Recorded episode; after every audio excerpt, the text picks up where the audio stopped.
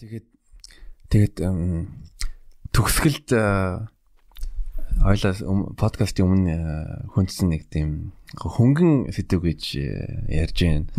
Ер нь бол Монголд инфлюенсер гэд нэг нэг том ороод ирсэн байгаа. Тий. Тэр талаар чи ер нь юу гэж боддог вэ? Ер нь ямар байр суурьтай вэ? Чиний хувьд ер нь инфлюенсер гэж яг чи өөр юу гэж ойлгодог вэ? Тэгээ инфлюенс инфлюенсер гэдэг чи одоо тэгэл нөлөө үзүүлэх гэдэг шүү дээ. Аа өөрийг нь дэмждэг, дагдаг маш олон хүн бий болоод сошиал орчин дээр шүү дээ. Одоо цоошин нэр том юм да. Сошиал орчин дээр маш олон дэмжигчтэй болсон тэр хүмүүс тодорхой хэмжээнд нөлөөлж чадна. Би энэ кофег л уух дуртай гэхэд намайг дагдаг 100 мянган хүнээс ядаж те 5 мянган тэрийг очиод худалдаад авах хэмжээнд байхаар ийм хэмжээний хүнийг л хилээд байна л да. Одоо нэрлээд шүү дээ. Тэгэхээр тэр хүн нөлөө үзүүлж байгаа хэрэг. А би бол жишээ нь би ч инфлюенсер биш л дээ. А би бол бүр энэ үгнээс бас жоохон одоо айдаг. Яагаад гэвэл намайг энэ кофег сурчлахад дагаж уух тийм олон хэмжээний хүн байна гэдэг бол одоо хариуцлага байхгүй юм. Тэгэхээр энийг хариуцлага гэж ойлгож байгаа. Тэгэхээр хариуцлах хариуцлагатай байх хэрэгтэй. Бас ёс зүйтэй байх хэрэгтэй. Тэ? Үнэхээр чи энийг ингээд үзээд доторхын ингээд амсаад үзсэн чи хитрхийг чихэрлэг байгаа л тэ. Тэгээ энэ аа энэ чихрэгөө авч болохгүй мөс үгүй манах чихэрлэгээрээ онцлог энэ кофе. За за надад мөнгө өгч байгаа юм чи би энийг сурчилж. Энийг авч уугаарай. А тэгэхэд ёс зүй ёс зүй гэдэг юм маань болохоор миний хэлэх гээд байгаа жишээ нь болохоор ийм их чихэрлэг мэг одоо намайг их олон залуучууд үздэг юм аа. Ялангуяа оюутнууд те 1 2 дугаар курсын залуучууд үздэг. Тэгэхээр тэдний чихрийн хэрэглээ айгүй өндөр болчих юм байна.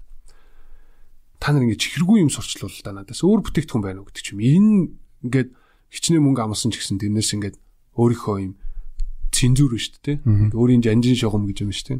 Тэрнээс тэр нь тэрийг бас ингэж барьдаг хэмжээнд байгаасаа л гэж би зүгээр дотроо боддیں۔ Гэхдээ намайг ингэж хэллээгээд инфлюенсерүүд хийхгүй л бах Тэгээ би бол энийг хариуцлага гэж хардаг.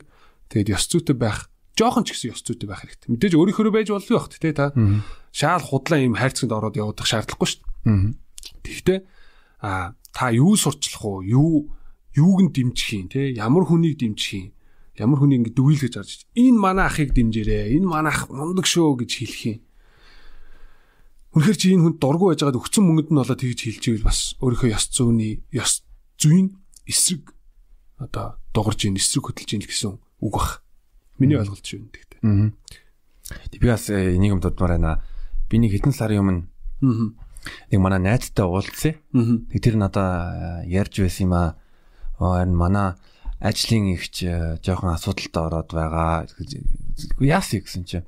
Оо харин нэгдүгээр курст сурж байгаа хүүхэд нь бүр мөнгө мөнгө одоо бүр ээжээсээ бүр шаардаад бүр болдгоо Гэсэн чи яас юунд гэсэн чи оо харин нэг юуны нэг гадаадд байдаг нэг Америкт нэг байдаг э, залуугийн форексийн э, сургалтанд сууя. Сургалтанд сууя. Тэр нь 150 долларын үнэтэй.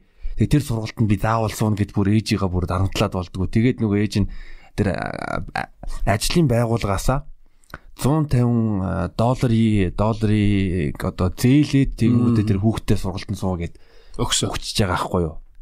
Тэг чи нөгөө нөгөөдөг чинь ёо тэр сургалтанд суужгаад өөжээ ерөөсө та надаа илүү их мөнгө өгөх хэрэгтэй. Ягаад гэвэл одоо Forex дээр тоглохч мөнгө шаарддаг юм байна. Оо за. Тэмний бүр уур хүрсэн л дээ.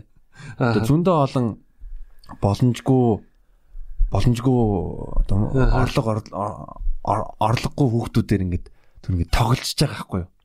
Тий одоо тий харин тий.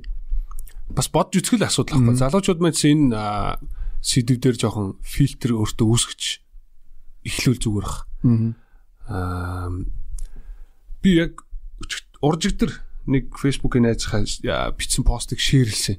Тэр тэгсэн чинь худлаа инфлюенсерүүд гэсэн байлуу да.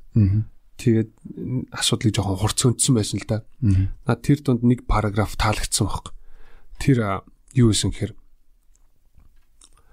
одоо манай бидний инфлюенсер гэж нэрлээд байгаа сошиал дээр амар идэвхтэй байгаа хүмүүс ингэдэг би ийм одоо би ингэж амьдарч намайг хар а би одоо над шиг болохыг хүсвэл намайг даг тий шээрл те би та нарт бэлэг өгнө, ингэн над чиг бол миний сургалтанд ирж суу.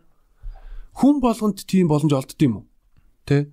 Одоо инфлюенсер, энтерпренер гэдэг ч юм уу те ингээд аа яагаад тэд нэр яг ингээд өөрийнхөө хамгийн амжилттай байгаа зүйлийг гаргаж ирж барьж агаад ингэж л томор те ингэж л гоё амьдрах гэж тэднийг урайлан дуудаж агаад өөрийгөө дагуулад өөрийнхөө дагчийг бүр олон болгосныхаа дараа тэд нар дахиад юм заарад байгаа юм те. Ингээ бодохоор айгу сонин бас дуусшгүй сэдв болох байх л та хоёулынх нь яриа. Гэхдээ надад тэр нь амар үнэн санагдсан байхгүй. Тэр хүмүүс тэгээд байна. Зүгээр л над чиг амьдрмаараа нөө тэгвэл намайг даах. Тэ тэгвэл ширл найзгаа меншин тэгэл тэ. iPhone ялна шүү гээл. Шэнгэ шэр манай фантези. Тэг тэр бол жоохон өрөөсөл байх. Инфлюенсер гэдэг бол нөлөө үзүүлэх чадвартай хүнийг л хэлж байгаа байхгүй тий. Тэгвэл тэрийг айлуулах эрэг байвал бас сайн. Нийгэм дээрээ илүү чи эргэл байна тий. А тэгвэл одоо гарааны бизнес эхэлдэг хүмүүс амжилтыг ихвчлэн яриад идэг. Фейлдчүүл яах юм тий. Чи яг гарааны бизнес эхлэхдээ инг инг гэж цуврал сошиал баахан хичээл явуулж исэн чинь дагаад 100000 залуучууд яг ээжээсээ мөнгө зээлээд саяны ярьсан жишээ шигтэй ингээд маш их мөнгө оруулаад бүгдээрээ гарааны бизнес хийгээд гисэн чинь тэндээс 10-аас бусд нь фейлдчүүл яах юм. Аа. Шатаад пүм гэ мөнгө байхгүй болсон. Аа. Тэ тэр залуучуудад нөгөө хүн зөвлөх болов дахиад тэ намайг дагаараа чи гарааны бизнес хийж чадна гэжсэн хүн маань аха би ингээд сая 20 сая төгрөгөө ингээд алдчихлаа. Би яг ингээд уг нь таны хичээлийг ингээд харж ирсэн чинь ингээд холбогдвол тэр хүн за миний дэ төгөлч дахиад шинээр ихэл ахын чамд мөнгө зээлээ гэж хэлэх болов. Тэгэхгүй шүү дээ. Харин тий. Энд чи өөрөө юм бас сонирн бодол ойлголттой тий. А тэгтээ яг би тэр хүмүүс бүгдийг буруу үгүйсгээд байгаа чинь биш л те. Гэхдээ мэдгүй инфлюенсер гэдэг бол арай л өөр бах. Тэгжил бодож ин да. Би өөрөө ч инфлюенсер хүн биш л те. Инфлюенсерүүдийг шөмжилж байгаа юм бас биш шүү.